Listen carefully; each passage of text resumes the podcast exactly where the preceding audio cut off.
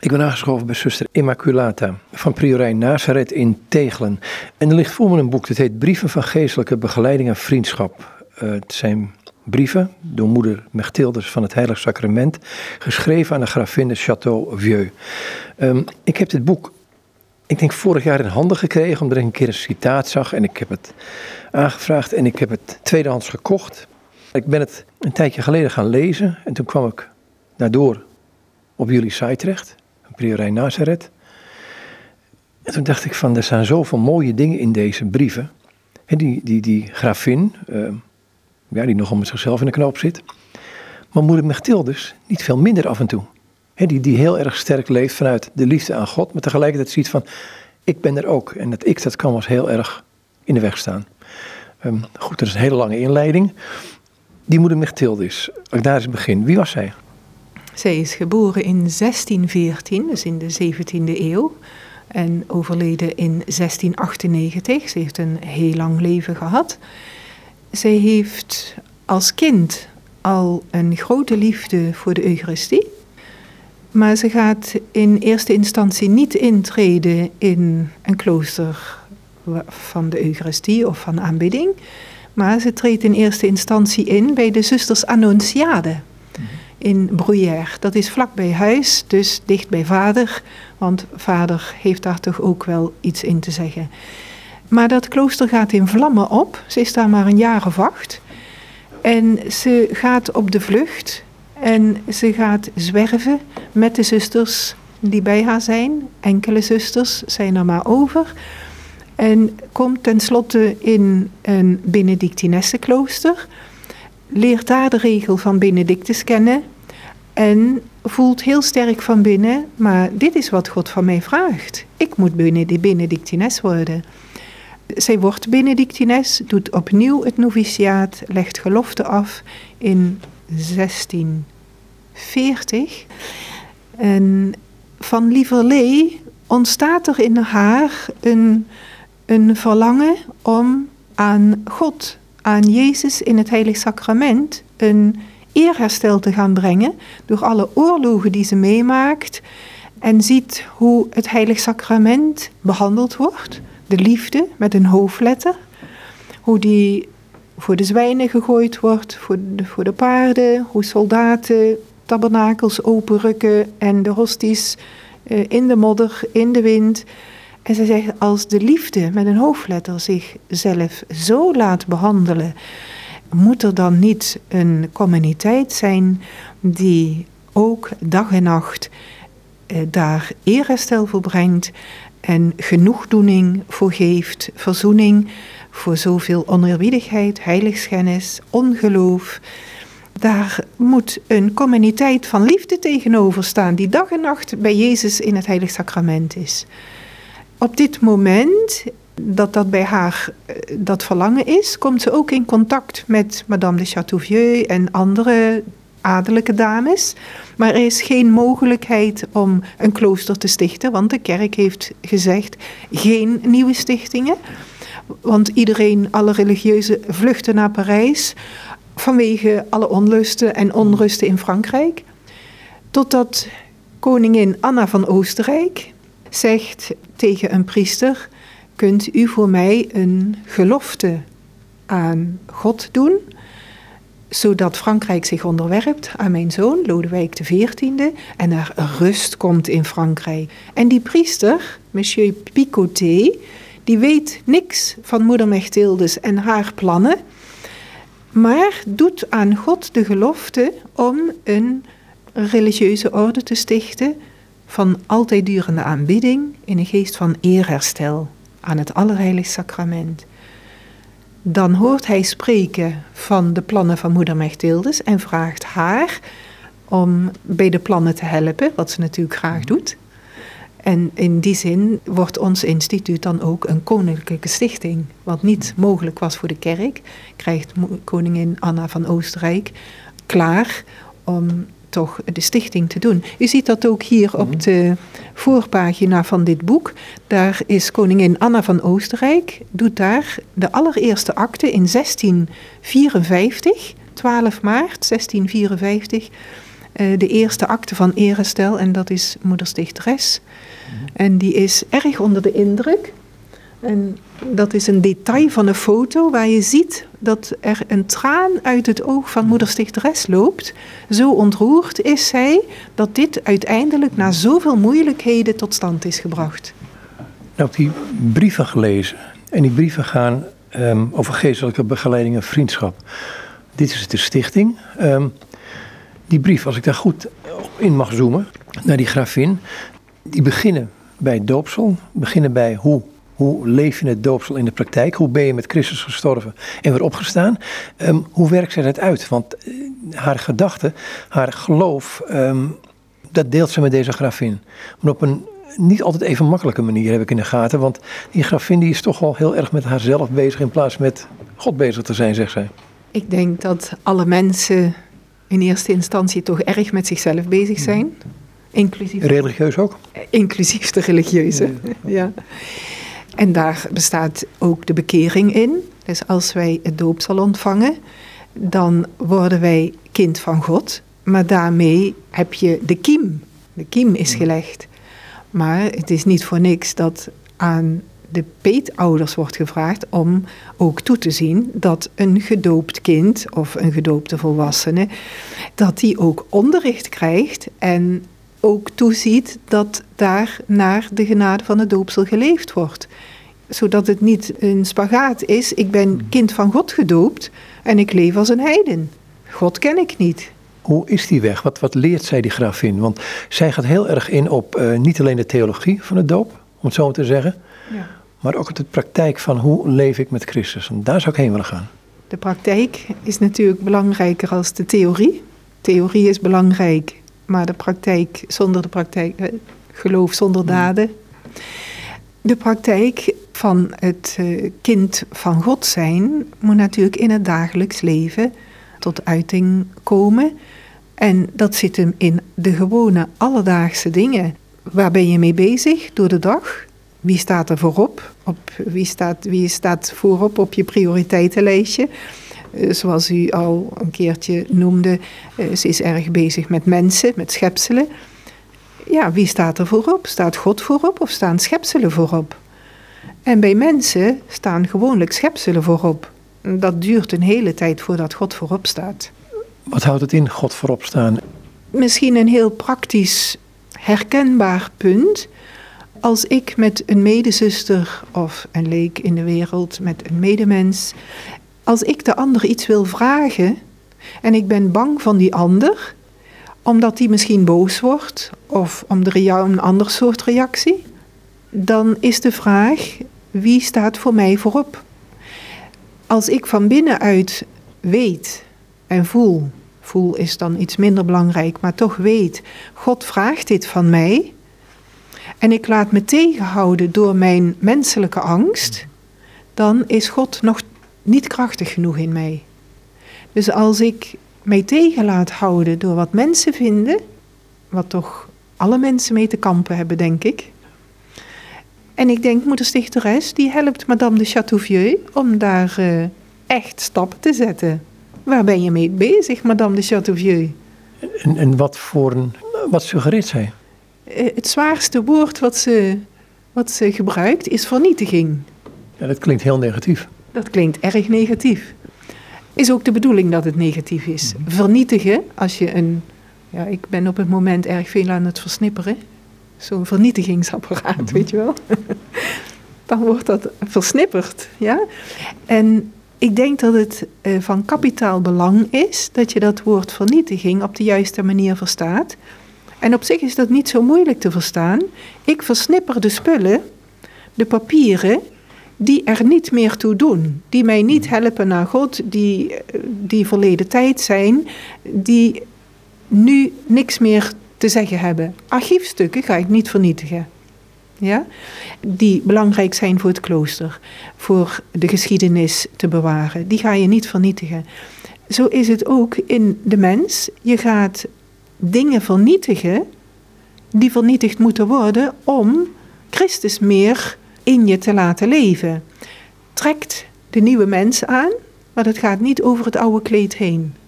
Dus je legt de oude mens af met zijn gedragingen. En daar moet soms heel wat afgelegd worden. Daar moet soms heel wat afgelegd worden voordat je het nieuwe kleed aan kunt. En dat, dat gaat niet in, in grof. God gaat heel minutieus te werk. God beloont in die zin ook als je echt bepaalde dingetjes voor hem over hebt. Dit ga ik afstand van doen. Dan geeft God ook meteen daar weer de volle genade overheen. Maar dit, dit lijkt een beetje ook te kunnen klinken naar, je mag een heleboel niet. Ik denk dat als je een schilderstuk gaat maken, dan zal die schilder geconcentreerd zijn op zijn schilderwerk. Ik denk niet dat hij dan tegen zijn omstanders gaat zeggen: ja, en ik mag niet gaan zwemmen en ik mag niet dit en ik mag niet dat en ik mag. En, en, en ik moet alsmaar hier op mijn schilderwerk. Uh... Nee, dat is zijn passie, dat is zijn werk, dat is zijn, zijn levenswerk. Hij, hij concentreert zich op zijn schilderwerk en zegt: daar doe ik nu afstand van, want ik wil, dit wil ik toch een heel prachtig schilderwerk van maken. Nou, en God is met ons bezig. God is met ons bezig om van ons. We hebben een heel mooi, een heel mooi gedicht, het weefgetouw, waar God dus aan het weefgetouw zit. En wij zien donkere draden aan de achterkant. We zien, we zien waar er aangehecht is enzovoort. Maar de voorkant, waar God aan het werk is, dat zien wij niet. Maar als God op het eind van het leven dat omdraait. En, en soms mogen we wel wat zien. Soms mogen we wel wat zien. Kijk, God is bezig met jou. Kijk eens wat hij aan het doen is. Omdat je aan je laat werken, eh, de verkeerde dingen wegslijden. Denk aan een, aan, aan een pot met roest. Ja, zijn wij een pot met roest? Ja, soms wel, hè. Hij haalt dat heel voorzichtig weg, dat de pot niet breekt. Ja, maar uiteindelijk komt er iets moois uit. Ik denk aan Corrie den Boom, die heeft ook zo'n voorbeeld van een geborduurde kroon. Heel mooi als de achterkant laat zien, dan is het, ah, ja. ja. laat ik het maar in mijn eigen woorden zeggen, eigenlijk wel een beetje een zootje.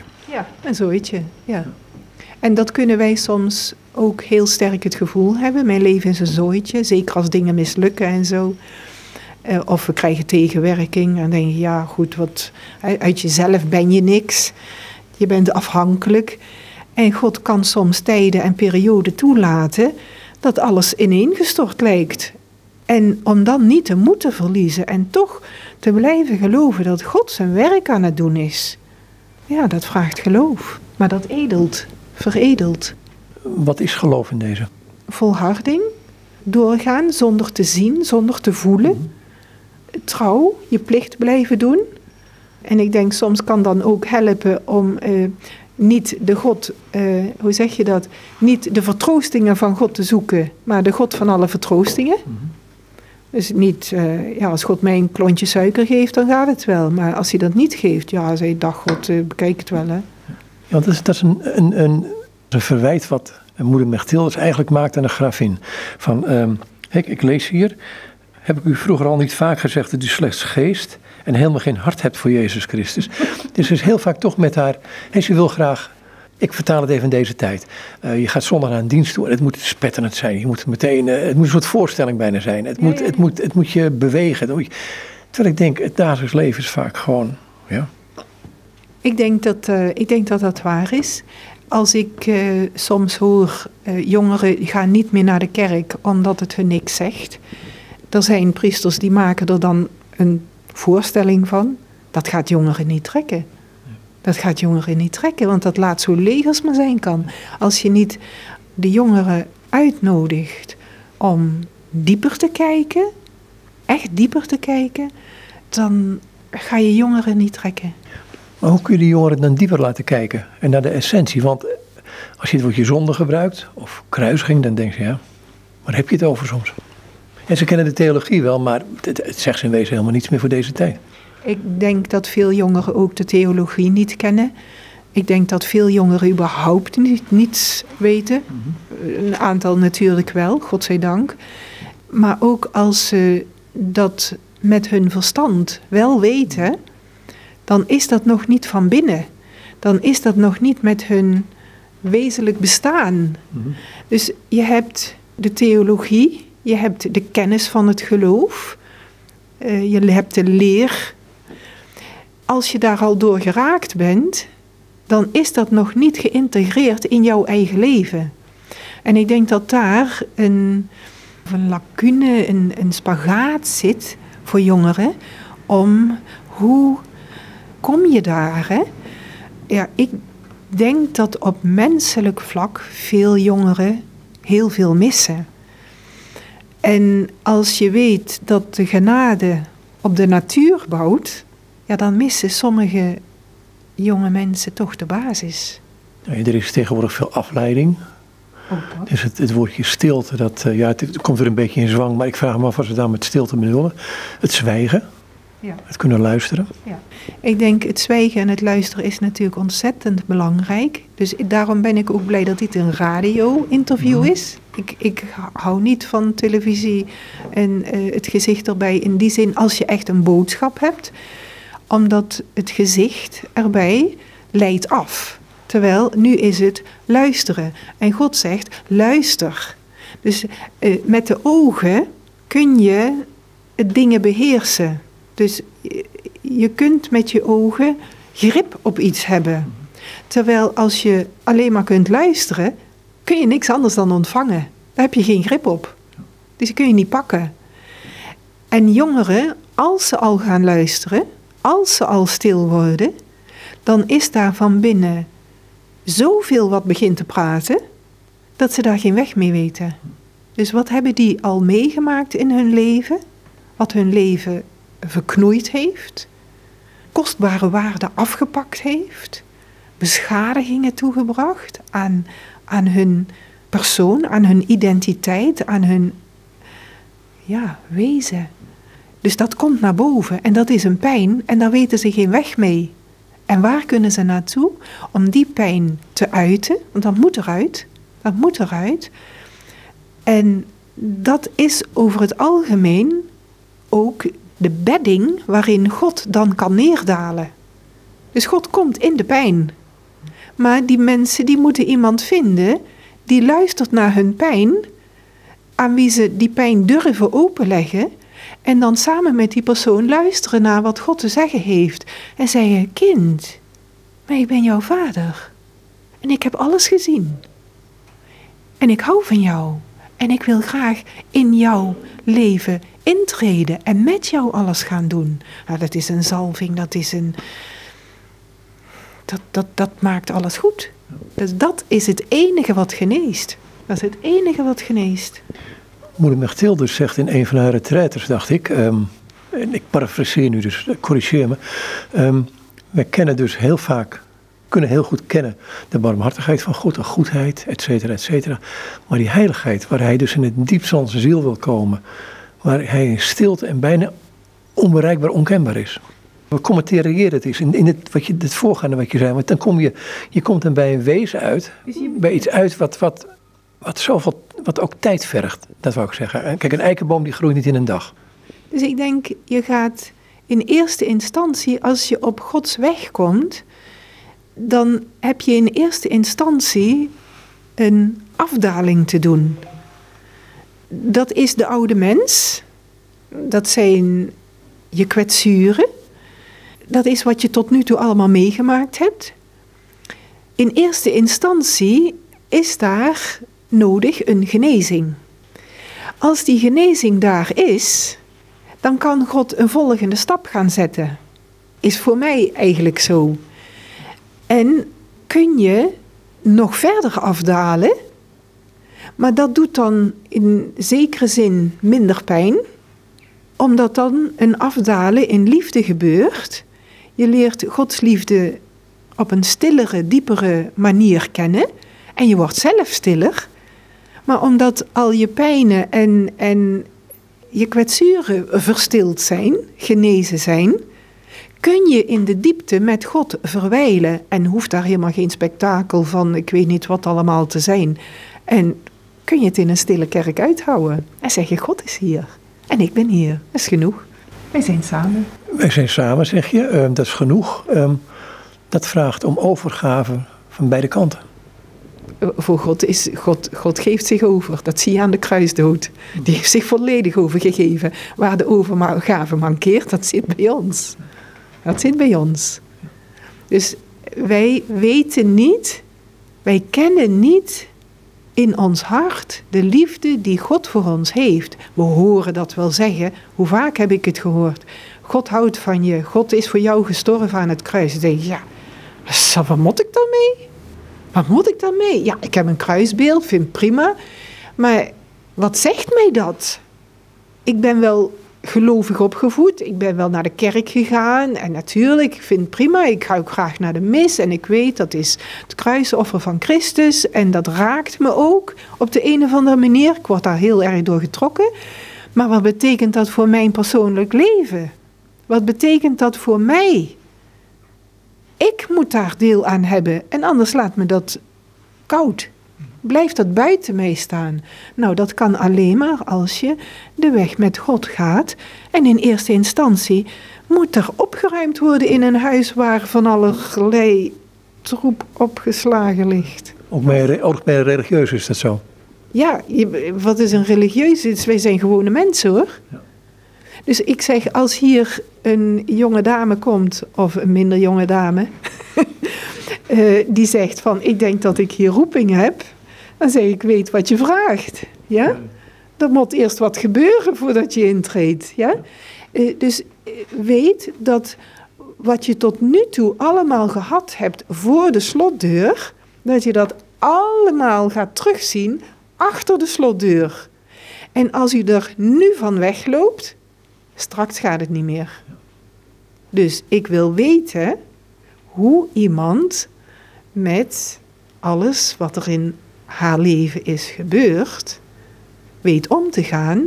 En niet zomaar zelf weet om te gaan op eigen kracht zonder God. Nee, kun je God op alle plekken toelaten waar, wat, waar, op de plekken waar, waar je het gevoel hebt, ja, dat heb ik allemaal alleen moeten doen of zo. Daar was God niet bij. Hoe laat je God op die plekken toe? Ik denk dat dat de eerste stap is bewust worden. Bewust worden. Wat zijn de pijnplekken in mijn leven? Want die stoppen we gewoonlijk onder het tapijt. Maar daarmee zijn ze niet weg. Maar ik wil het gewoon niet weten. Om die bewust te worden, naar boven te halen. Wat heeft mij in mijn voorbije leven, voorbije leven, het, voorbije, de tijd van het leven, ik geloof niet in meer levens, uh, diep gekrenkt, gekwetst. En als je daarna durft te kijken, het open durft te leggen bij iemand op een veilige plek. En dan, eventueel met hulp, zeggen van, en hoe kan ik God nu daartoe laten? Ja, laat God eens meekijken, want God was er toen ook. Dat heb je toen niet in de gaten gehad, maar God was er wel. Ja, waarom heeft hij dat dan toe kunnen laten? God was er wel. Dus je gaat het opnieuw in die situatie terug in gebed, in tijd van stilte, ga je terug in die situatie en je gaat je bewust worden, maar God was er. En wel als een liefdevolle vader, niet als iemand die vervelend doet. En hij heeft iets te zeggen. Maar dit kan tegelijkertijd heel pijnlijk zijn, wat je nu zegt. Want ik zal, ik zal maar, stel dat je misbruikt bent in je jeugd. Precies. En je zegt, ik heb dit gehoord uit de mond van iemand die ik geïnterviewd heb. Ja. Uh, ze zegt, ik was christen en God was erbij. En ik begrijp dat niet, moet ik heel eerlijk zeggen. Maar hoe is dat? Hoe, hoe, want, want ja, dat, gaat, dat is niet in één dag genezen. Dat is niet in één dag genezen. Uh, en ik denk misbruik komt heden ten dagen hmm. ongelooflijk veel voor. Ze ketteren op de katholieke kerk. Maar ik denk achter de huisdeuren gebeurt ontzettend veel. En ik denk dat jonge meisjes, maar ook jongens, heel veel te verduren hebben en ze mogen niks zeggen. En dat wordt in stilte gedragen en geleden. Maar daar komt geen genezing. En waarom laat God dat toe? Kijk, God laat het voor zichzelf toe. Dus het is niet God die het kwaad wil. God wil het goede. Maar het zijn de mensen die het kwade gedaan hebben. En waarom is Jezus gekomen? Om het kwade weg te halen. En wat heeft Jezus gedaan? of beter laten doen. Hij heeft zichzelf alle kwaad laten aandoen.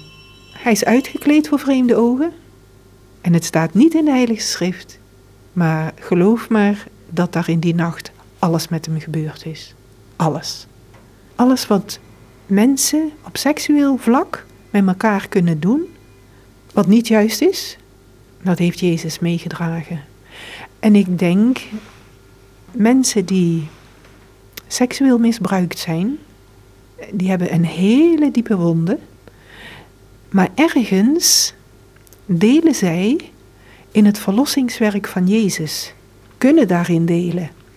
Als zij, en dat zal niet makkelijk zijn, als zij durven toelaten en kijken naar wat Jezus in de nacht van Witte Donderdag op Goede Vrijdag doorgemaakt heeft, en ook de hele kruisweg, dat zij van binnenuit een zalving, een genezing kunnen ontvangen en een hele diepe vereniging met God, met Jezus, de Verlosser.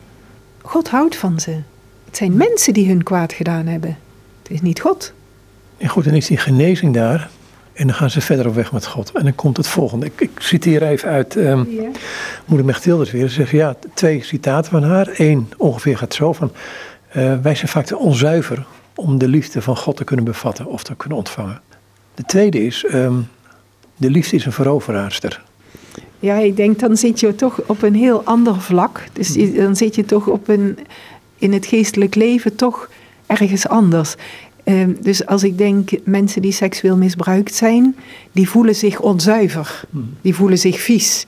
Dat zijn ze niet, maar zo voelen ze zich. En dat is, dat is natuurlijk ontzettend pijnlijk. Maar dat is niet de onzuiverheid die moeder Stichteres daar bedoelt. Dus als je eenmaal, en ik weet niet of dat ooit volledig geneest, misschien in zekere zin wel, maar er zal altijd een litteken blijven. Maar dan kun je toch nog diep dankbaar zijn dat God, dat God in jouw leven is gekomen en die wonde genezen heeft. Maar in de mens zelf, ook als je niet seksueel misbruikt bent, in de mens zelf zit een onzuiverheid. En daar kom je pas vanaf, ja wat zeggen ze, een kwartier na de dood.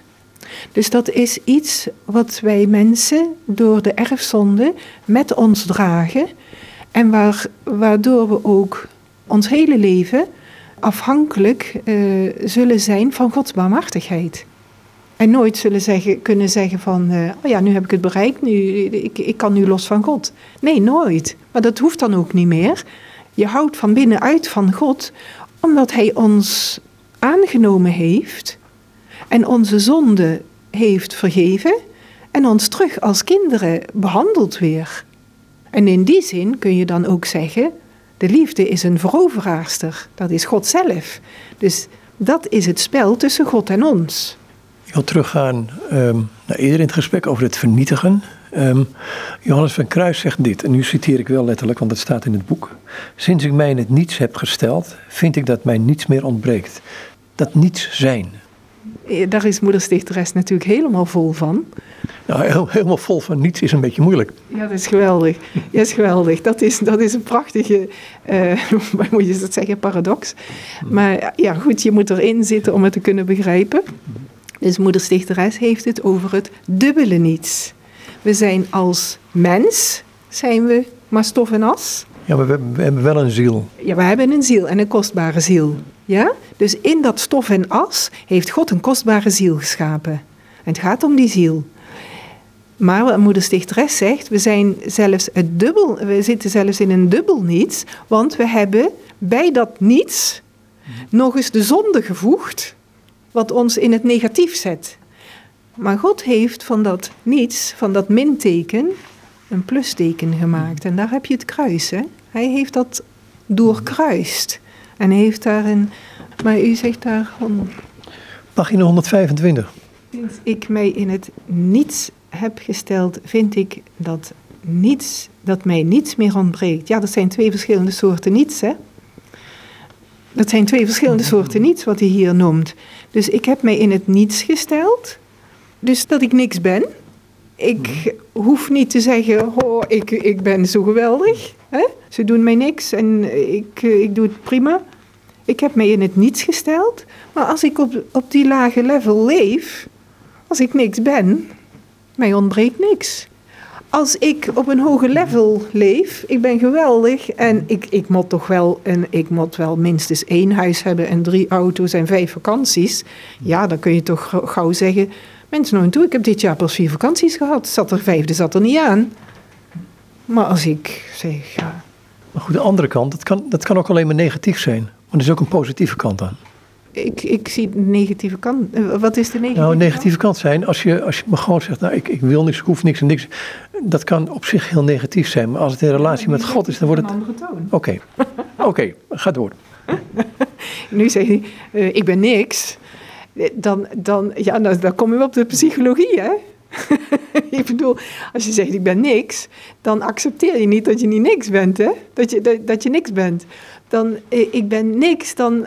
eh, eh, dat, heb je, dat zeggen mensen die, die hun waarde, die hun eigen waarde nog niet ontdekt hebben. Die niet bevestigd zijn dat ze kostbaar zijn. En dat ze onvervangbaar zijn. Want dat zijn we. Maar dat wil niet zeggen dat we, dat, dat we pretenties moeten hebben. Begrijpt u wat ik bedoel? Nou, je mag een stukje lezen hier vanaf ehm, het is goed te zien wat God ons toont. Tot misschien het einde van de bladzijde. Want het is, het is wel verhelderend, want daar gaat het hier ook over. Het is goed te zien wat, wat God ons toont als onze eigen ellende. Ons niets, ons onvermogen.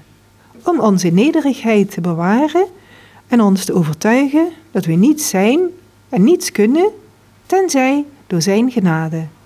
Die kennis is goed, omdat zij ons door God wordt gegeven. Maar de kennis die gezocht wordt door de werkzaamheid, de kracht en de toeleg van onze geest is zeer schraal voor God, omdat zij niet de zalving van Zijn genade bezit. Het enige middel om grote vooruitgang te maken in het geestelijk leven is voor God ons niets te kennen, onze behoeftigheid en ons onvermogen. U moet u aan God overgeven met dat inzicht en die overtuiging dat wij zo vaak ervaren hebben. En u moet uw vertrouwen stellen in Zijn barmhartigheid om geleid te worden zoals het Hem zal behagen. Het zij in licht, het zij in duisternis. En vervolgens moet u uw geest eenvoudiger maken, zonder Hem toe te staan zoveel te zien en te redeneren. U moet u tevreden stellen met wat God u geeft, zonder te proberen het op een andere manier te verkrijgen. En dit, dit zegt zij, niet als een stel regels, maar in diepe afhankelijkheid van Christus. Ja, ik moet zeggen, eh, eh, als ik naar mijn eigen leven kijk, ik denk in het begin zou ik dit zeker van binnenuit wel hebben verstaan en begrepen in de kiem, zeg maar. Maar kon ik absoluut niet dit onderschrijven met mijn leven. Terwijl nu is dit voor mij, ja, dit is, eh, dit is dagelijkse kost, zeg maar. Dit is, daar leef ik nu van. Kunnen we dat verder uitleggen? is dat je in de omstandigheden, de, de gebeurtenissen die er zijn, dat je de dingen zo probeert aan te nemen zoals dat hier eh, gezegd wordt. Ja, ik weet niet hoe ik dat moet uitleggen. Dus ik heb in mijn laatste retraite, daar zit ik eigenlijk op precies hetzelfde, maar dat komt dan uit haar geestelijke weg. Sinds hij me te kennen heeft gegeven dat het schepsel in deze wereld niets anders te doen heeft dan te niet te gaan, om Jezus Christus in zich te laten leven, kan ik niets anders meer verlangen. Dat is dan één ding waar je op geconcentreerd bent van Christus in mij te laten leven. Dus alles wat Christus niet is, om dat te niet te laten gaan. Dat betekent niet voor mensen die nog niet zo ver zijn op deze weg, dat je zomaar kunt zeggen van, oh, alles moet aan de kant, Christus moet leven. Zo, dat zijn van die radicale dingen die niet geworteld zijn in de juiste ervaring. Dus dat is, het is een beetje link om stappen die verder in het geestelijk leven zijn, om die aan het begin van het geestelijk leven proberen in praktijk te brengen, want dan maak je dingen kapot die niet kapot moeten. Ja. God gaat met iedere persoon een eigen weg. En je moet niet met de Tour de France mee gaan doen als je hier net eh, een rondje kunt fietsen. Ja? Dus dat moet je niet proberen. Dan moet je niet zeggen door Tour de France, dat is niks, want ik kan het niet. Nee, dat is voor meer gespecialiseerden. Ik, ik zeg, wat, wat, dat zegt zuster Michiels ook, hè, dat iedereen die Jezus volgt, heeft daar zijn eigen specifieke taken. En we kunnen nooit van een ander zeggen, dit moet jij doen of jij moet dit zoals ik doen. Nee. Ieder, ieder persoon heeft een heel eigen geestelijke weg. Iedere persoon heeft een eigen verleden. En ieder persoon moet in de genade van God ontdekken wat de stappen die, die God wil dat zij zet. Misschien een heel, heel eenvoudig voorbeeld. Als, als mensen net in het klooster zijn en dan de regel van Benedictus lezen, stilzwijgen. Men moet stilzwijgen. Dan kun je van die ijverige jonge mensen hebben en die zeggen stilzwijgen, ik ga niks zeggen. Terwijl het voor jonge mensen soms noodzakelijk is om te spreken en het juiste stilzwijgen te leren. Ja, wat, wat, wat is stilzwijgen dan? Dat is um, openkomen voor God, dus wat Hij te zeggen heeft. Maar aangezien jonge mensen, ik mag niet alle jonge mensen over één kam scharen, scheren. Mag beide van mij hoor. Al, als jonge mensen zeggen, ik hou mijn mond, dan voel ik toch wel aan dat er van binnen nog heel veel aan het praten is, waardoor ze God niet horen. En het stilzwijgen is er niet om stil te zwijgen. Het stilzwijgen is er om ruimte te maken om God te horen. Maar als het binnen nog zo'n spektakel is, nou dat moet er eerst uit voordat het tot stilte kan komen. En dan kun je stilzwijgen om God te horen.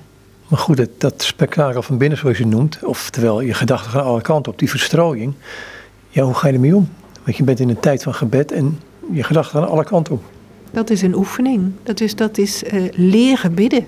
En uh, leren om je leven voor God neer te leggen en te vragen wat Hij wil.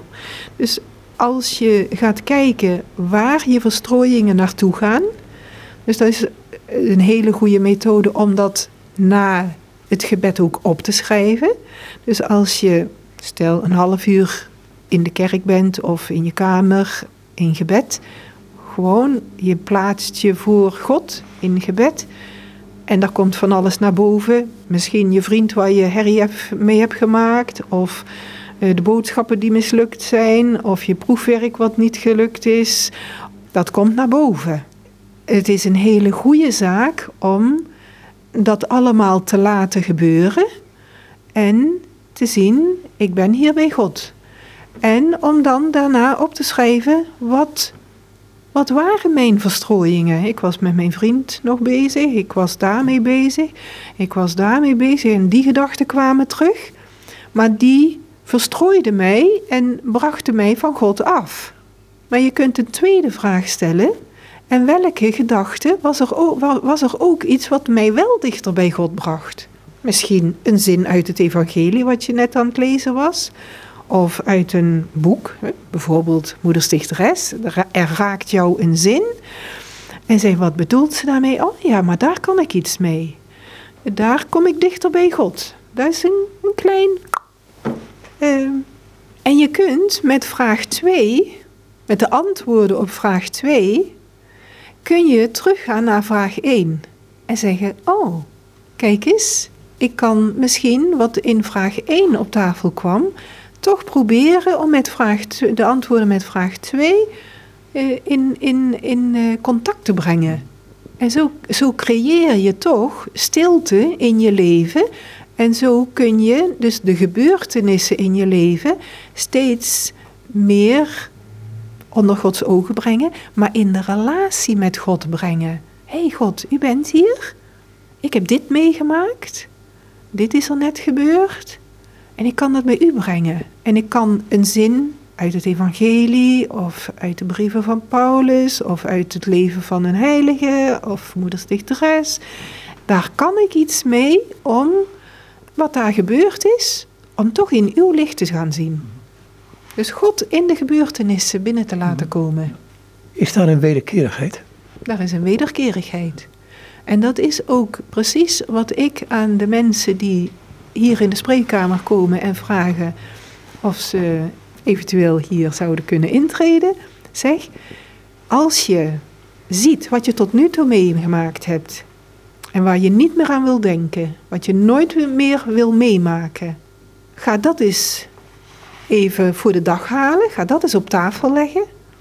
En kun je dat in je roeping, hè, bij ons dan de roeping van eerherstel, van altijd duur maar voornamelijk van herstel, hè, eerherstel, maar ook herstel van je eigen mens zijn en je eigen persoon. En op die manier God loven.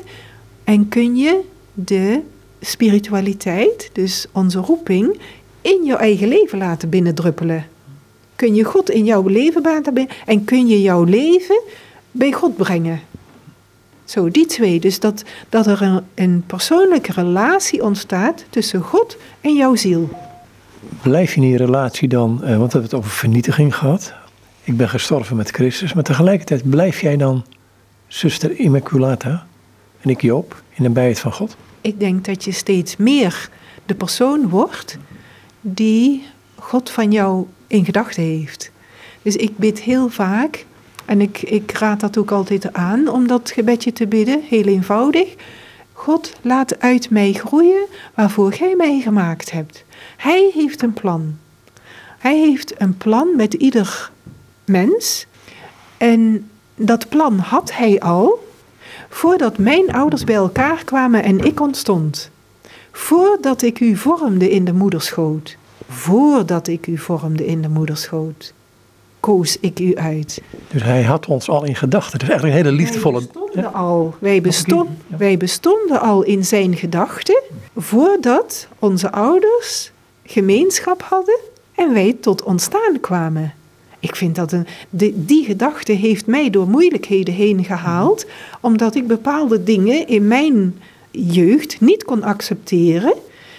En toen ik in een retraite tot dit woord kwam, voordat ik u in de moederschoot van dacht ik, maar ik bestond al in Gods gedachten, voordat ik door het kanaal kwam, zeg maar. Dus mijn ouders zijn alleen maar kanaal geweest waardoor ik in de wereld kwam.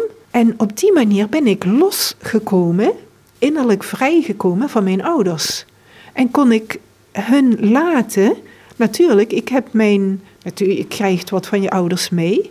Goede dingen, minder goede dingen. Maar ik ben een eigen persoon. In God. En hij heeft mij al uitgekozen en hij heeft mij lief. Nu, als ik dan werk aan dingen dus als we dan teruggaan naar wat we het net over hadden, over het gebed. Dus als ik in stilte ga in de kapel voor het Allerheiligste. En daar komen deze gedachten op en daar komen deze gedachten. Ik heb, ik heb woorden gehad met mijn medezuster. Ja, waarom had ik woorden met mijn medezuster? Moet ik dat verdedigen? Nee, er zit iets in mij en daar moet ik aan werken. Leeft God voldoende in mij? Hoe kan God in mij leven in die verhouding tussen mijn medezuster en mij, waar wij van gedachten verschillen of van gevoelen verschillen. En daar, als ik dat vernietig, het is een beetje een raar woord, maar als je dat, als je dat uh, met, de, met de naam zegt van zuivere liefde, wat in de inleiding van dit boek gezegd wordt, dat dat eigenlijk hetzelfde bedoeld wordt, vernietiging en zuivere liefde. De zuivere liefde werpt alles omver, vernietigt alles wat dat niet verdragen kan. Vuur verteert alles. Hè? Goud wordt, dan blijft er puur goud over. En alles wat niet goud is, wordt verteerd. Dus als je het in die zin ziet, alles wat niet goud is, wordt verteerd, zodat er puur goud overblijft. Dat is de liefde die dat doet. Dat is de zuivere liefde die vernietigt. En daarom kun je zeggen, ik word niet minder mens, ik word niet minder zuster Immaculata, maar steeds meer zuster Immaculata. Mhm. Ik wil even naar, een klein stukje gaan in bladzijde 189. Ehm, vanaf wat is gestorven of de vernietigde ziel? Wat is een gestorven of vernietigde ziel? Dat is een ziel. Zo, dit is prachtig. Dit is precies de tekst die ik heb uitgezocht toen ik hier pas was. Dat is een ziel zonder verlangen, zonder genegenheid, zonder voorkeur, zonder keuze, zonder wensen, zonder neigingen, zonder wil, zonder hartstochten. In die staat van vernietiging wordt zij gemaakt tot zuivere ontvankelijkheid voor God. Nou, dit is precies een stukje wat zij dus ook gebruikt in de ware geest. De kern van uh, de ware geest. Daar zegt ze zelfs, want ik heb dat, dit heb ik onnoemelijk vele malen gemediteerd. Ik denk, mens, je mag werkelijk niks. In het begin dacht ik zo, hè. Ik denk, je mag hier echt niks. Dus, uh, ik mag hier geen verlangens hebben, geen genegenheden, geen voorkeur, geen, uh, geen keuze, geen wensen, geen neigingen, geen wil, geen, uh, geen hartstochten. Ik pak toch even dat stukje uit de ware geest erbij omdat ze daar, daar nog iets extra erbij zegt, wat mij enorm geraakt heeft. Dus in de ware geest zegt ze. Het is waar, zusters, en het is u niet onbekend dat uw professie u verplicht voortaan te leven in een voortdurende staat van dood zijn. Nou, verkoop het maar. En dan zegt ze: Het is zaak te weten hoe uw ziel in Jezus Christus verborgen en geheel begraven moet blijven. En dit leven van dood zijn, leven. Verkoopt u het aan jonge mensen? Probeer het maar eens. Verkoop het aan mij. En ze zegt: Ik ben niet bekwaam, zusters, over deze toestand te spreken. Dat zegt ze vaker. En vervolgens geeft ze dus de oplossing. Maar ik zal u alleen maar zeggen om mij van mijn verplichting te kwijten dat u in alles en overal de geest van ontlediging moet meedragen. Zo'n is een ander woord waar ze gek op is. Hmm. Vernietiging, ontlediging. Zonder keuze, ziet u het? Zonder keuze, zonder verlangens, zonder genegenheden, zonder plan en zonder iets anders te willen dan alleen Jezus Christus toebehoren. Nou, ik dacht, hè, hè, godzijdank, eindelijk, we mogen iets. We mogen iets willen, zonder iets anders te willen dan alleen Jezus Christus toe behoren. nou, daar kan ik me dus op toeleggen, op Jezus Christus toe te behoren. Maar staat komma.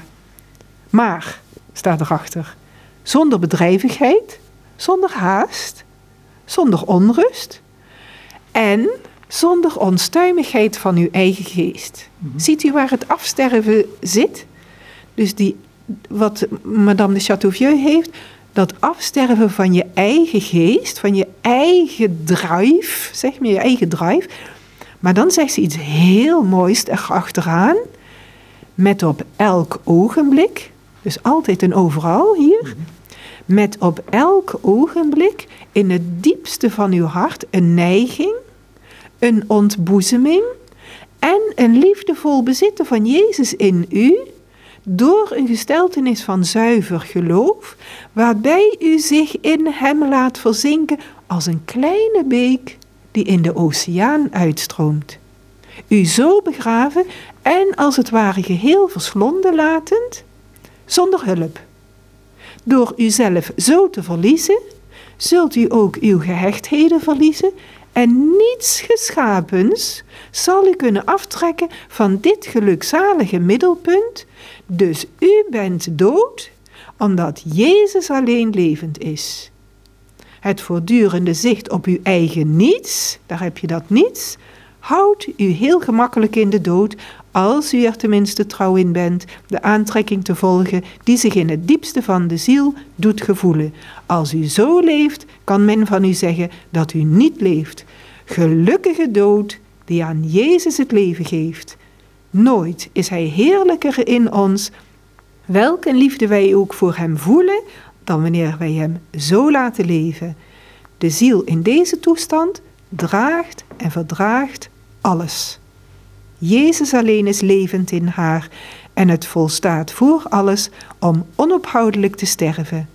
Deze gesteltenis zou men tot een of andere eenvoudige oefening moeten bereiden, herleiden, die het de ziel gemakkelijk zou maken er voortdurend in te blijven. Ik bid onze Heer dat Hij iemand licht geeft om tot dat doel een richtlijn op te stellen. En vervolgens geeft ze een hele lijst wat je daarvoor kunt doen om daar aan te werken. Als je nou het stukje waar we net gebleven zijn in die brief doorleest, Wat doet de ziel die zo vernietigd is? Zij wordt bekleed met Jezus Christus. Zij wordt vervuld met Jezus Christus. Het is Jezus Christus die haar bezielt. Het is Jezus Christus die in haar handelt, die denkt voor haar, die verlangt voor haar en die lief heeft voor haar, die kiest voor haar, die wenst voor haar. De grote apostel wist het uit eigen ervaring toen hij zei: Vivo ego, jam non ego, vivit vero in me Christus. Ja, prachtig.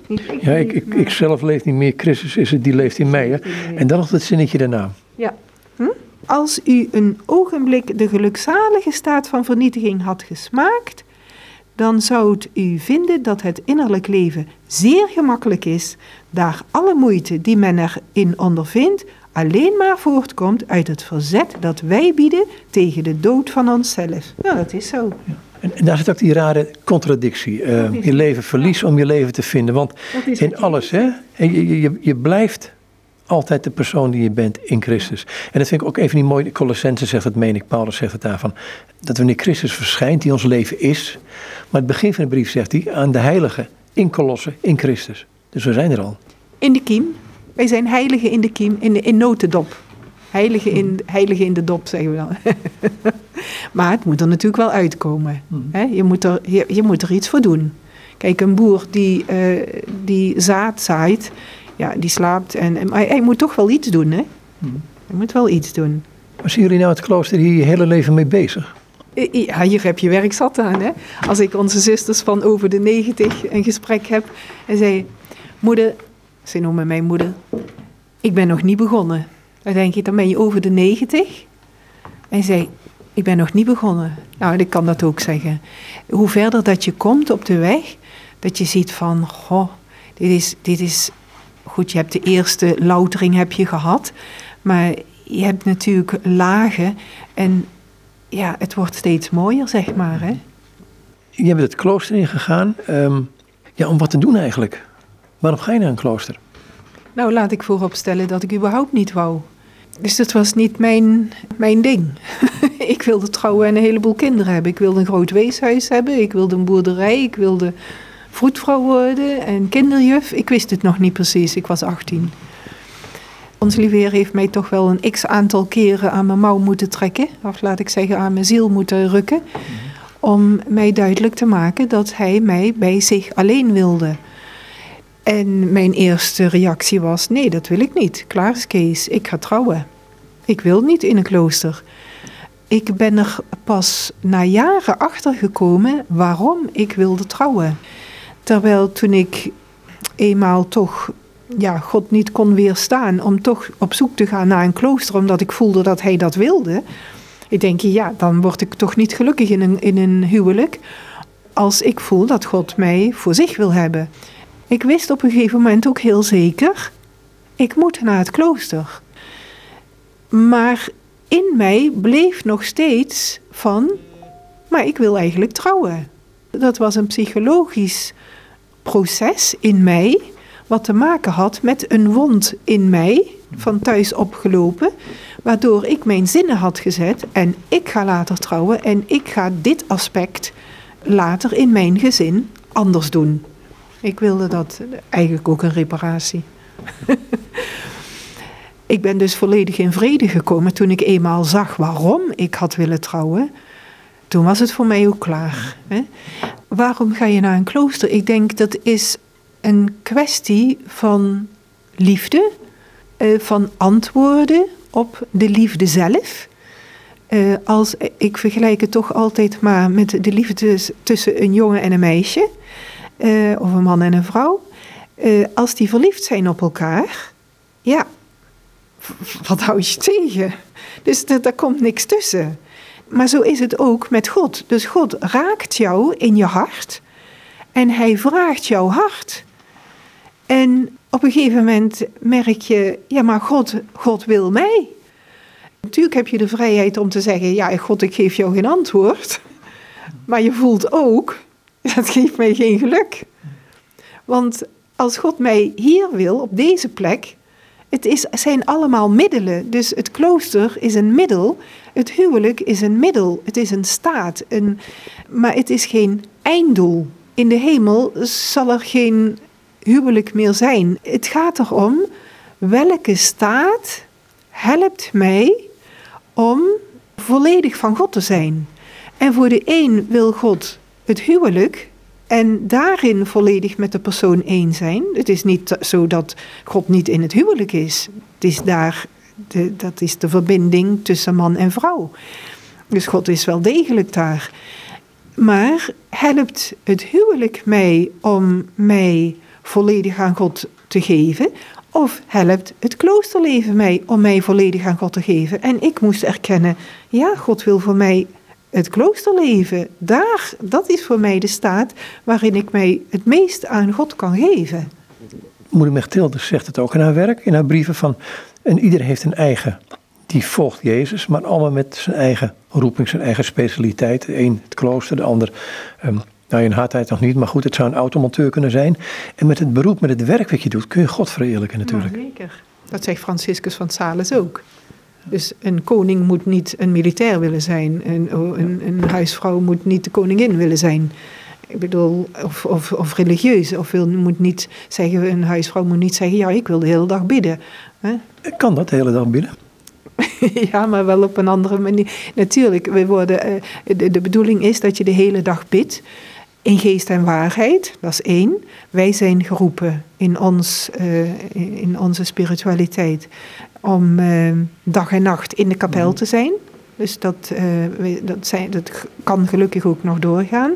Dus wij zijn onafgebroken 24 uur per dag in de kapel, elkaar aflossend. Je hebt specifieke tijden van gebed nodig. Het koorgebed, heilige mis, maar ook persoonlijk gebed. Om die relatie met God ook levend en persoonlijk te houden. Dus tot die innerlijke intimiteit te komen. En, maar dat wil niet zeggen dat als je eenmaal uit de kapel bent, dat je dan toch in gebed blijft. Ook als je recreatie maakt, ook als je in de keuken werkt, ook als je met mensen in gesprek bent. Ten diepste blijf je in gebed als je de wil van God doet. Moeder Stichteres zegt ergens, zolang je een akte van aanbidding niet tegenspreekt met je daden, blijf je in aanbidding. En zo kun je dus altijd dag en nacht in aanbidding blijven. Lijkt me Ik wil het hierbij laten. Dankjewel. Graag gedaan. En dit zei zuster Immaculata en ik sprak met haar over moeder Mechtildis van het Heilige Sacrament. Um, en dan ging het over de brieven van geestelijke begeleiding en vriendschap die zij schreef aan de gravin de Château Vieux. En ik sprak hierover met zuster Immaculata in de priorij Nazareth in Tegelen.